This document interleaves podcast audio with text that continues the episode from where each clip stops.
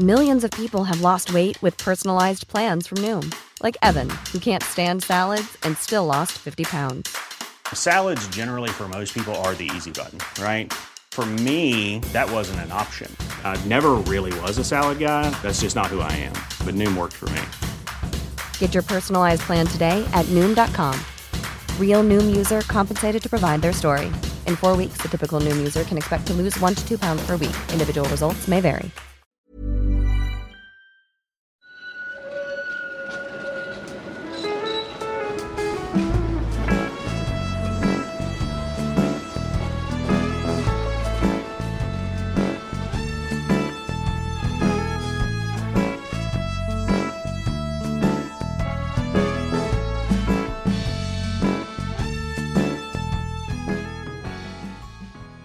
Hej och välkomna till Gator och torg i Göteborg. Idag befinner jag mig på det som jag brukar kalla för Elevator Nobody. Alltså i, på Hisingen. Ja, hiss ingen. Mm. Elevator Nobody. Alltså en så kallad göteborgsk-engelsk ordvits. Precis, och det bör man ju köra lite ibland, Mm. tänker jag.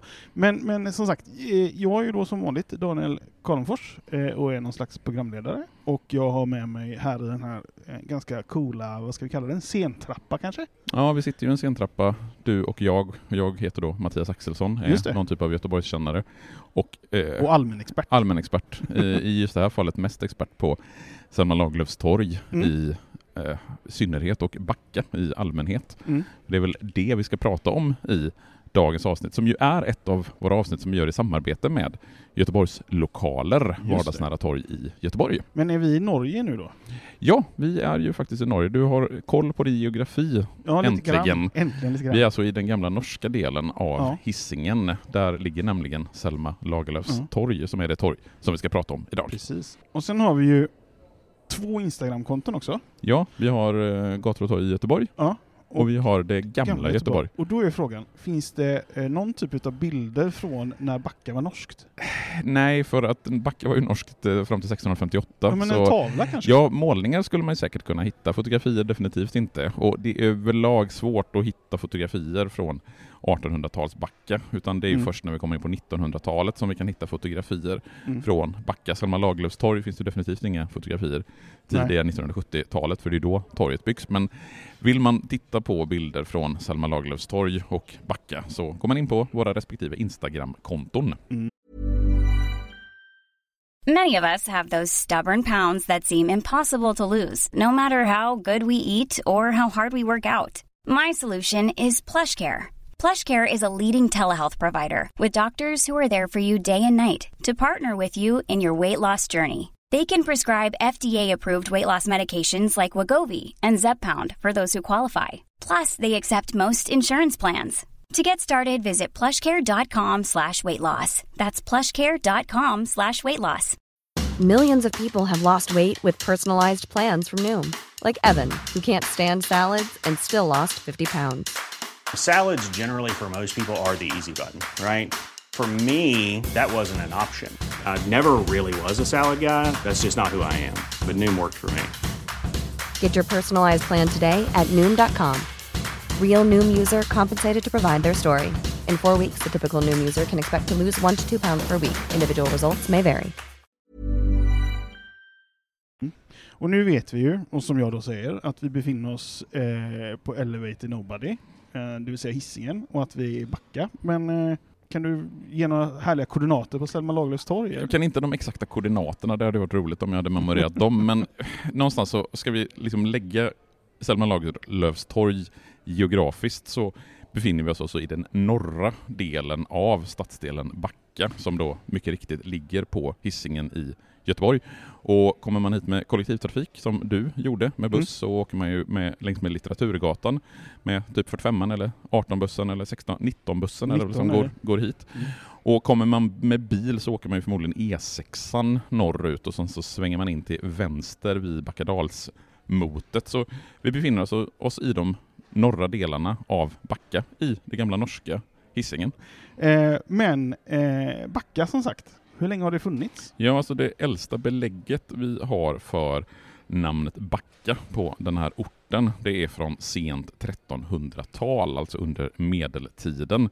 Och då skriver man det Backa med två K. Namnet Backa kommer från kyrkbyn Backa och namnet i sin tur till kyrkbyn det kommer av backen upp till kyrkan. Och det var en medeltida kyrka som numera är riven.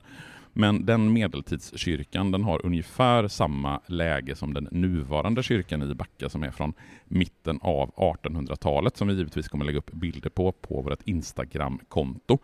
Så namnet Backe det syftar alltså på höjden backen upp till kyrkan. Och att vi vet att Backa fanns under slutet av 1300-talet det är att Oslobiskopen Eisten Aslaksson skrev i sina jordeböcker om sina egendomar och i Oslobiskopens egendomar så ingick då Backa och av den anledningen så känner vi till Backas existens från det sena 1300-talet. Och Backa det var ju då en del av norska Hisingen fram till 1658 tillsammans med bland annat Torslanda, Björlanda, Säve och Rödbo. Och i och med att Sverige krigar mot Danmark. Karl X Gustav gör ju ett framgångsrikt fälttåg över Bält, över isarna vid Stora och Lilla Bält. Och i freden i Roskilde 1658 så blir ju bland annat hela Bohuslän och därmed hela Hisingen svenskt och därmed införlivas Backa i Sverige och Backa socken blir då svenskt. Och Backa var då en egen socken fram till 1862 då man delar upp Backa i en landsförsamling och i en landskommun. Det är ju den här stora kommunreformen då socknarna försvinner och ersätts med kommuner där kommunerna tar över den politiska delen och eh, kyrkoförsamlingarna tar över utbildning och kyrkofrågor. Nu kommer vi fram till det här underbara århundradet, 1800-talet. Ja, Backa under 1800-talet har ju ungefär samma utbredning som den nuvarande stadsdelen Backa. Den enda skillnaden är egentligen att den södra delen av Älvstrandsområdet ingår i stadsdelen Tingstad. Och tittar man på gamla Backa socken så som den var under 1800-talet så har vi ett antal byar i socknen, bland annat Lärje och då nämnda Tingstad. Och de här byarna räknas som de största, eller bland de största byarna i Göteborgstrakten. För vi ska ju komma ihåg att Backa är ju fortfarande inte en del av Göteborg, trots att Göteborg grundas redan 1621 så har ju inte Backa införlivats i Göteborg ännu. Och i Backa socken så finns det många byar och gårdar namn som fortfarande finns kvar i landskapet som Aröd och Bäckebol och liknande. Och bönderna i Backa har under 1800-talet ett rykte om sig att vara väldigt duktiga. Eller rättare sagt, man skulle nog säga att det är marken i Backa socken som anses vara väldigt bördig. Jag vet inte om bönderna nödvändigtvis var bättre än andra bönder. De hade väldigt goda förutsättningar. Och det låg ett 70-tal gårdar i Backa socken där man bland annat odlar frukt och man har pratat om Backa socken lite grann som Göteborgs kornbod. Och i boken Bohusläns historia och beskrivning från 1867 så beskrivs det om Backa att det icke olämpligt tillägnade man denna lilla trakt namnet av Hissingens trädgård. Det vill säga att här kunde man odla och här kunde det växa. Och i och med att det har varit så bördig jord i Backa socken så har människor också bott väldigt tätt här. Och ända fram till början av 1900-talet så kunde man se Backabönder med sina hästdragna vagnar komma från Backa längs med de olika vägarna in till stadens marknader och sen hem igen när de hade varit och sålt sina produkter. En man som arbetade på Backa Västergård berättar att hur det kunde se ut så sent som under andra världskriget. Alltså Men är det mitten... alltså så att även mitten på 1900-talet så är Backa fortfarande inte del av Göteborg? Nej, vi kommer till det. Ja. Eh, och den här mannen skriver då att under andra världskriget, och då är vi alltså under 1940-talet. På fredagen tog vi upp grönsaker och potatis. Potatisen sorterades, morötter och palsternackor buntades och allt lades i korgar. På kvällen lastade vi torgvagnen så att den stod klar på lördag morgon. Alma hade en torgplats på Rantorget i Gårda och Svante hade en annan på Stora torget i Salhallen. Med två torgplatser kunde man sälja mer. Det var arbete från morgon till kväll. Och så här var det alltså en bra bit in på 1900-talet. Sen hade det i de södra delarna av Backa under slutet av 18 början på 1900-talet börjat växa fram lite olika typer av industrier. Det har vi täckt ganska ordentligt i avsnittet om Backaplan. Men vi kan Mm. nämna till exempel Rosengrens kassaskåpsfabrik som Just det. etableras 1886. Och Var inte det typ Göteborgs största verksamhet en stund, eller hur var det? ja, det var lite olika uppgifter om det. Jag tror att Ja. jag höll på att dividera fram och tillbaka huruvida det var det eller inte. Det var en av de större verksamheterna åtminstone.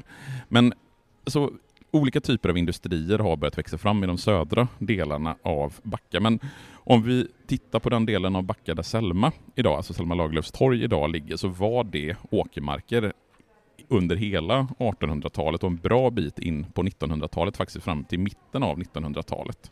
Så, nu har vi kommit till den här magiska tidpunkten när Backa blir på riktigt. Det vill säga, blir en del av Göteborg. Ja, just det, då blir det på riktigt. Ja. 1948 så inkorporeras Backa i Göteborgs kommun. Och då står det så här i en text att Backa kommun inkorporeras utan någon entusiasm bland Backaborna som inte lyckades i förhandlingarna med Mm. Göteborgs kommun. Jag kan för övrigt meddela att eh, i princip alla mina vänner som bor eh, på Hisingen idag och som bor i Backa är, är fortfarande lika missnöjda. Det är ett eh, missnöje som har gått i arv. Japp. Så de skulle gärna vilja bli en egen kommun. Vi får se hur det Ja. går med det. Mm. Men redan tidigare så hade ju delar av Backa socken, nämligen Tingstad, införlivats i Göteborg. Det är redan 1883 och det är den första delen av Hisingen som blir en del av Göteborg. 1907 så öppnas Bohusbanan och den hade två stationer i Backa. Dels Tingstads station och Lillhagens station. Och i Backa så går både de här nybyggda industrierna och det jordbruk som har funnits under flera hundra år bra, vilket gav Backa socken och senare då Backa kommun en allt bättre ekonomi under 1900-talet. Och Backa kommun har beskrivits som en väldigt välordnad kommun med flera skolor, med ålderdomshem och jämför man dem med de arbetarområden som fanns inne i Göteborg så levde man väldigt gott här ute i Backas jordbruksbygder. Och en arbetare från Masthugget, Per-Olof Ganje, berättar om sina besök i Backa på 1930-talet. I, jag tror boken heter Backabor berättar. Jag kommer lägga en länk till den i avsnittsbeskrivningen Alla ISBN-nummer läggs upp. allting och även någon QR-kod som man snabbt kan hitta den tänker jag. Men han skriver i alla fall så här på 1930 om 1930-talet. När vi kom till Backa och hälsade på min moster, då kunde jag förnimma bondesamhället. Det var ett välstånd, ett relativt välstånd som jag inte var van vid. Och då ska man komma ihåg att den här Per-Olof, han kom då från arbetarkvarteren i Masthugget. Så det kan ha funnits ett visst fog hos Backabönderna för det missnöje man ändå kände Mm. när man då 1948 inkorporerades efter att man under ett antal år hade förhandlat och diskuterat med Göteborgs kommun. Planerna att införliva resten av Backa hade börjat smidas redan under slutet av 1930-talet. Vad låg bakom den här eh, viljan att införliva Backa? Det är egentligen samma orsak som när man införlivar Västra Frölunda och när man senare införlivar Angered. Det är att man behöver mark att bygga på. Mm. För det är ju nu under efterkrigstiden som vi har de svenska rekordåren och då behöver det byggas nya bostadsområden. Även om det kommer dröja ett tag här ute i Backa så vill kommunen ändå ha områden som Mm. går att planera för bebyggelse. Du nämnde ju det förut att eh, Backa hade väldigt bra jordbruksmark. Eh, ända fram till mitten på 1900-talet. Eh, men så är det väl inte idag? Eller jag, jag ser ingen bondgård i närheten i alla fall. Nej, det finns ju faktiskt en del gårdar kvar från det gamla bondesamhället. Bland annat en som heter Backa Västergård som kallas för Ladan och den ligger strax söder om Selma Lagerlöfs torg. Men de allra flesta av de bondgårdar som låg här ute i Backa, de försvinner ju under andra halvan av 1900-talet. För i och med att Backa inkorporeras med Göteborgs kommun så lägger också Göteborgs kommun fram planer på hur man ska omvandla den här jordbruksmarken. I början av 1960-talet så planerar man bland annat för en spårväg längs med Litteraturgatan. Den här spårvagnsvägen blir ju inte av. Nu finns det ju nya planer på att dra en spårväg från Backaplan till Brunnsbo. Jag vet inte om planerna är hela vägen till Selma Lagerlöfs torg, men det finns eller åtminstone förslag och idéer om det. Det där tycker jag är väldigt intressant, för det har vi ju stött på flera gånger i den här podden, att ganska gamla idéer kan vara hundra år gamla. Som, som tas upp på nytt. Jag menar inte att denna plan kanske var så gammal, men det har hänt flera gånger. Ja, det är, och det är ju intressant att i en, en viss tid och en viss period av historien så kanske inte planen var rimlig att realisera, men sen så 60-70 år senare så kanske rätt förutsättningar finns. Och nu vet jag inte om det kommer bli en spårvagn, det får vi väl komma tillbaka om Mm. 10-15 år och se om spårvagnen blev av. Men på 1960-talet så blir det åtminstone ingen spårvagn. Däremot så kommer byggandet av Backa att ta fart under mitten av 1960-talet och det hänger då givetvis ihop med de svenska rekordåren. Mm. Att vi har en arbetskraftsinvandring, vi har en babyboom-generation, vi har en växande industri, eh, vi har en låg arbetslöshet. Det behöver byggas nya bostäder och området kring Selma Lagerlöfs torg, det planeras just under mitten av 1960-talet. Och det är ju just när staten har beslutat om miljonprogrammet. För det gör man ju 1965 och sen bygger man ju en miljon bostäder på tio år fram till 1974. Och Selma Lagerlöfs torg, området runt omkring, det byggs åren 1968 till 1972. Och 1967 så presenterar man ett förslag för ny planering av området. Man tänker sig att man ska ha ett helt nytt affärscentrum och ett par nya bostadsområden runt det här nya torget. Och då behöver man som sagt röja undan flertalet av de gamla bondgårdarna. Några av dem finns kvar och det har senare visat sig att man hade kunnat bevara flera av de gamla bondgårdarna eftersom de egentligen inte alls låg i vägen för den nya bebyggelsen, men man röjde undan dem liksom för säkerhets skull. Mm. Och sen när man skulle börja bygga här runt Selma Lagerlöfs torg och i Norra Backa så visade det sig att det var inte alldeles enkelt eftersom på vissa platser så var leran under marken 35 meter djup och väster om Backa kyrka, den här som är från mitten på 1800-talet, så var djupet av halvfast lera 20 meter och där kunde man därför använda förankrade pålar som man kunde lägga grunden på. Och här bygger man också flera 3 till 4 våningshus samt de höghus som kallas för Blå staden. Och Blå staden det var Riksbyggens stora område med närmare 900 lägenheter. Står färdigt 1971 och det är någonstans kulmen för miljonprogrammet. För det man ska komma ihåg när man pratar om miljonprogrammet det är ju att det finns en stor nybyggaranda och framtidstro och optimism under mitten på 60-talet när man planerar för det. Men när miljonprogrammet står färdigt i mitten på 70-talet, då har Sverige istället gått in i en ekonomisk kris med oljekrisen som en drivande motor och många av de lägenheter som byggs under slutet av miljonprogrammet står ju faktiskt tomma under slutet av 70-talet. Men området runt Selma Lagerlöfs torg och Selma Lagerlöfs torg byggs då under slutet på 60 och in på 1970-talet.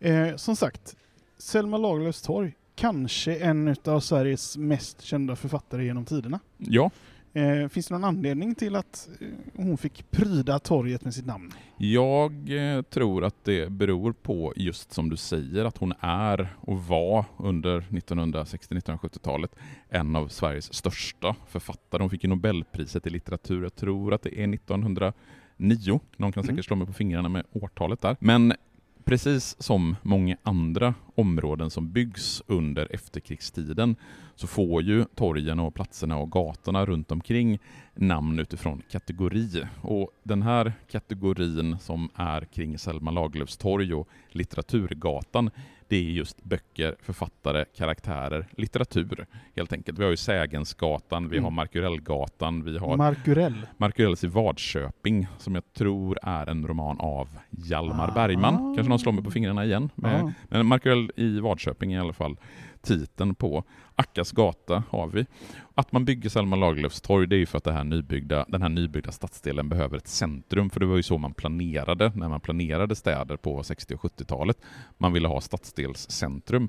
Och det är just det Selma Lagerlöfs torg är när det byggs. Det har kultur, det har handel och det har också offentlig service, alltså allt det man tänker sig att ett 60-70-tals torg ska ha.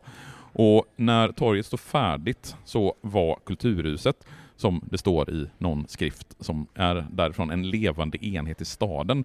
Och mest känt är kanske Kulturhuset för att Nationalteatern hade sin verksamhet här ute vid Selma Lagerlöfs mm. torg under 1970-talet. Och just närheten till E6 som vi nämnde när vi förklarade var platsen ligger någonstans gjorde att torget också lockade till sig besökare som kanske inte bodde i torgets omedelbara närhet, vilket under 70 och en bit in på 80-talet gav ett gott underlag av kunder, inte bara boende i närheten. Men hur var då Backe i allmänhet och Selma Lagerlöfs torg i synnerhet under de första årtiondena? Ja, alltså torget invigs 1971 och då har man både affärsgator och man har ett litet inomhustorg med butiker. Det nämnda kulturhuset har bland annat en ungdomsgård och en galleria. Sen får ju Selma Lagerlöfs torg ganska tidigt ett ganska dåligt rykte. Bland annat så besjunger ju Nationalteatern torget redan 1975 i den klassiska låten Barn av vår tid. Mm. Jag vet inte om vi ska lägga in en snutt av låten. Eller om, jag tänker så här, om du är Patreon eh, så får du höra Mattias sjunga. För er som inte är Patreon så kommer jag citera den här nu. Ja. Farsan sitter hemma framför TVn, morsan sitter, ligger, sitter antagligen bredvid. Lika bra att ta sig ner till Epas torg. Där kan vi låta betongen gunga, gasa och sniffa och flumma. Och Epas torg, ja. det är alltså då Selma Lagerlöfs torg som de syftar på. För här låg ju också den klassiska lågprisbutiken EPA. Som vi har pratat om flera gånger förut. Vi har pratat om den i Backaplan, vi har pratat om den i samband med Chappans torg, tror jag. Mm, mm. Så EPAs torg i Barn av vår tid, det är alltså Selma Lagerlöfs torg. Men det är inte bara den negativa bilden av Selma Lagerlöfs torg som finns i gamla skrifter och tidningar. Den är också beskriven som en livfull mötes och handelsplats. Och Sen är ju det stora problemet, eller blev det stora problemet för Selma Lagerlöfs torg, att när torget byggdes så var kundunderlaget det dubbla mot hur det sen blir under 2000-talet. Det bodde alltså dubbelt så många i de bostäder som fanns där när torget byggdes än vad det blev senare. Och Det rådande idealet under 70-talet, som vi redan har pratat om, det var ju att separera funktioner. Man skulle ha boende på en plats, man skulle ha trafik på vägarna, handel och verksamhet skulle vara för sig. Mm. Och I Backa så blev då Litteraturgatan och Backadalen breda, breda huvudgator som var utformade som trafikleder och så fanns det gräs och parkeringsytor bredvid. Och eftersom parkeringsnormen var betydligt högre på 1970-talet när man planerade och bygger torget så har det funnits en överkapacitet av antalet parkeringsplatser vilket givetvis också bidrar till torgets karaktär som ett torg som man kommer med bil till. Och Det påverkar ju också känslan av torget om det är mycket parkeringsplatser runt omkring. Mm. Eh vi sitter ju i en, i varje fall för mig, eh, känns det som relativt nybyggd eh, byggnad, får man väl säga. Mm. Selma eh, Lagerlöfs center kallas precis. den. Eh, och vi får kanske ändå prata lite om den omvandlingen och att Selma Lagerlöfs torg är ett helt annat torg idag än det har varit förut? Ja, det går ju faktiskt att följa utvecklingen med hjälp av till exempel en tjänst som Google Maps som ju använder sig av fotografier från olika platser. De åker, de åker runt med sina såna kameror, Google, mm. och fotar. Och tittar man på de äldsta bilderna av Selma Lagerlöfs torg som är från sent 00-tal någonstans och jämför med det, hur, hur det är idag, man känner ju inte igen sig överhuvudtaget. Idag är ju det här ett helt mm. annat torg än vad det var för bara 5-10 år sedan. Selma Lagerlöfs torg och området längs med Litteraturgatan genomgår ju den största omvandlingen sedan torget byggdes på 1970-talet.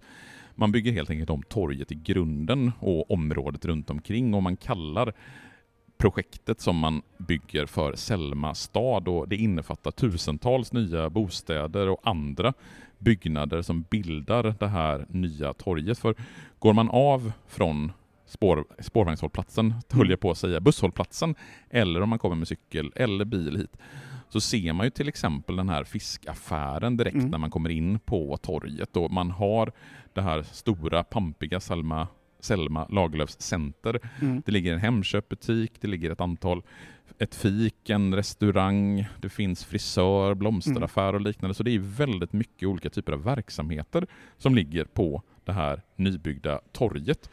Längs med Litteraturgatan så ska det byggas flera tusen bostäder och all, om allt går som planerat så ska den här stadsdelen vara klar inom ett par år. Och de nya gatorna som dras fram de får namn från Selma Lagerlöfs böcker. Till Mm. exempel Charlotte Löwenskiölds gränd, Havssilvers gränd och Dunfins gata.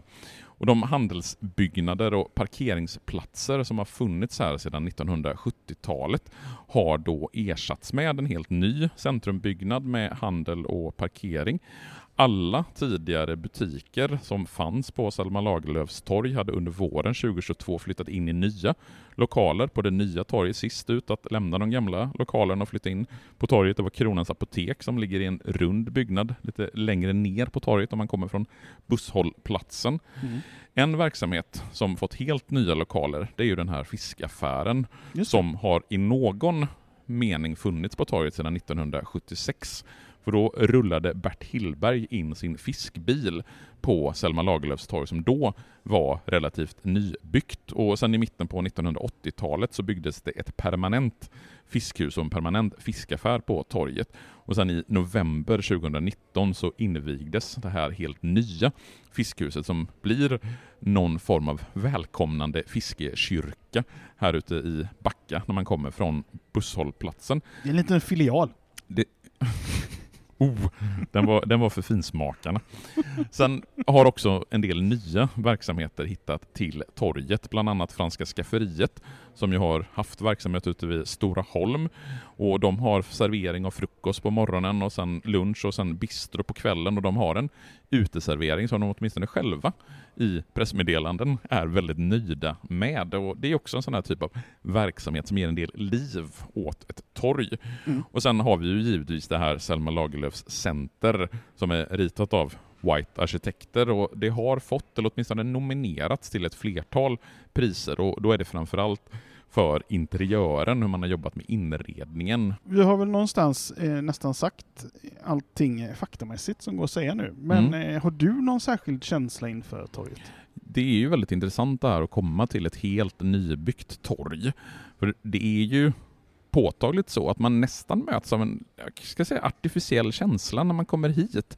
I och med att allting är så nybyggt Mm. så kommer det nog krävas ett tag för att torget ska få ett lite ordentligt liv.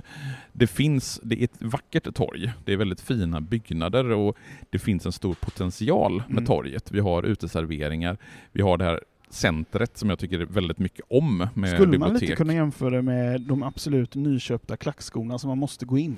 Någonting åt det hållet. Man Ja. behöver nog gå in det här torget för att det ska kännas riktigt levande. Mm. Men vi kan nog säga att Selma Lagerlöfs torg har väldigt stor potential Ja, att bli ett levande stadsdelstorg som de boende i Backa kommer tycka väldigt mycket om. jag kan ändå tycka att man ska åka hit och, och, och känna på den atmosfären du pratar om, för den är speciell. Jag åker gärna hit nu i början Ja. och sen så kom hit igen om 30 år när vi gör en podd härifrån 2000, vad blir det? 52. Mm. Då vi Och då har vi tillbaks. 200 000 Patreons också. Ja, på patreon.com och i Göteborg. För då kommer vi kunna göra den här retrospektiva podden om Selma Lagerlöfs torg. För det är ju lite som att vi hade suttit 1970 vad blir det, 72 någonting och gjort en ja, podd om Selma precis. Lagerlöfs torg när det var precis nybyggt. För det är ju ett helt nybyggt torg. Mm. Det är ju egentligen ingenting kvar av det gamla. Det är Nej. helt nytt. Det är Mm. precis den känslan som man förmodligen hade när man kom till det nybyggda Det torget på luktar bara inte 1970-talet. sån nybilslukt. Nej, det är inte, man får inte nybilslukten, men man får väldigt många nya fina byggnader att Ja. titta på och trevliga affärer och en del, en restaurang och café och blomsteraffär och liknande. Och därmed så, så får vi väl säga hej då för den här gången. Ja, och tack till Göteborgs lokaler för Ja. samarbetet och, i så, det här avsnittet. och, så, och så hörs vi om en eh, vecka. Det gör vi. Hej då! Ha det gött! Hej.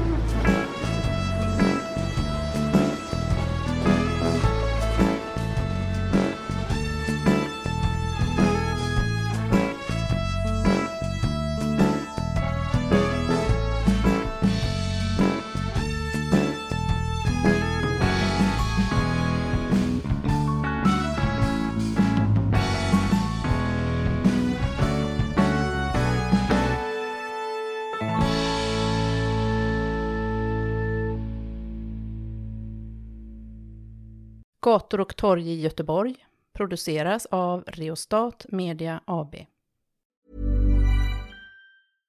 Imagine the softest sheets you've ever felt. Now imagine them getting even softer over time. That's what you'll feel with Bowl and Branch's organic cotton sheets. In a recent customer survey, 96% replied that Bowl and Branch sheets get softer with every wash. Start getting your best night's sleep in these sheets that get softer and softer for years to come. Try their sheets with a 30-night guarantee. Plus, get 15% off your first order at bowlandbranch.com. Code BUTTERY. Exclusions apply. See site for details.